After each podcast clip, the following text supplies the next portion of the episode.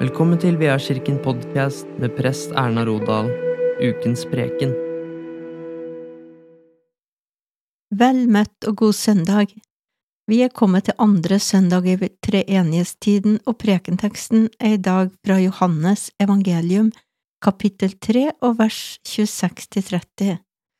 Og du kan gjerne lese sammen med meg hvis du har en bibel i nærheten. Disiplene gikk til døperen Johannes og sa til ham, Rabbi, han som var sammen med deg på den andre siden av Jordan, og som du vitnet om, han døper nå, og alle går til ham.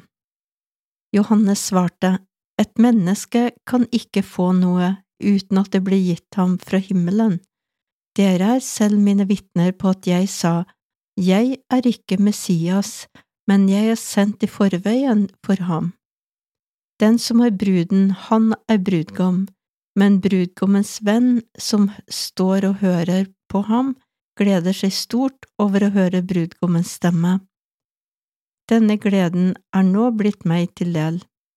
Han skal vokse, og jeg skal avta. Jesus og disiplene hans, som kanskje en liten stund hadde stått i skyggen av døperen Johannes og hans disipler, begynte å få mer oppmerksomhet etter hvert som ryktet går om Jesu undergjerninger. Døperen Johannes hadde skapt en bevegelse i Israel av mennesker som ønska å leve for Gud og følge Skriftene. De omvendte seg fra sin synd og lot seg døpe av Johannes. Mange av dem gikk kanskje med en Messias-forventning og trodde kanskje at Johannes var den lovede Messias. Men Johannes var veldig klar på at han sjøl ikke var det. Han var bare sendt i forveien for han som skulle komme. Hvis det var noen som kanskje tenkte at her skulle det bli rivalisering mellom Johannes og Jesus, mellom Johannes og Jesus, da Jesus etter hvert begynte sin tjeneste og vitne om Guds storhet. Da ble de skuffa. Johannes visste godt hvem Jesus var, og han var, at han var ovenfra og sendt av Gud, og at han sjøl bare skulle komme for å rydde veien for Jesus. Johannes visste at Jesus var Messias, som Gud hadde lovt skulle komme, og at han sjøl skulle trekke seg tilbake når oppdraget var utført. Derfor gleda han seg over at Jesus ble mer og mer synlig, og at mange begynte å følge han. Johannes hadde tjent Gud i kraft og hadde gjort sin gjerning. Nå var det Jesus som skulle overta, og derfor så sier Johannes, Han skal vokse, og jeg skal avta. Døperen Johannes var utvalgt av Gud til et viktig oppdrag, å rydde veien for Jesus, han hadde fått både visdom og kraft til å fullføre oppdraget, men det var Jesus som til syvende og sist skulle løftes fram og bli synlig. Derfor måtte Johannes ta et skritt tilbake og rette fokus på Jesus og slippe Jesus fram. Sånn er det også med oss når Gud kaller oss til etterfølgelse og tjeneste.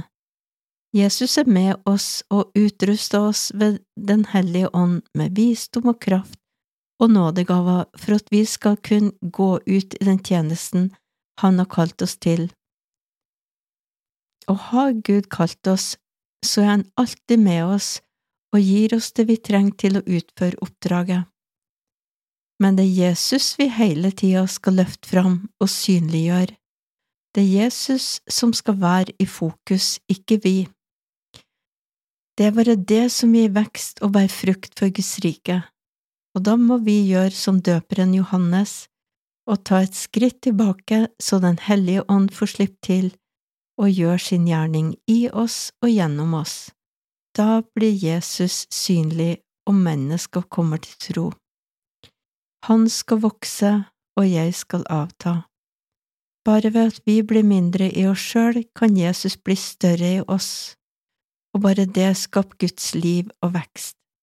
I oss sjøl har vi ingenting som verken kan bygge Guds rike eller frelse verden, men når Jesus ved Den hellige ånd får slippe til i våre liv med sin kraft, da begynner underet å skje.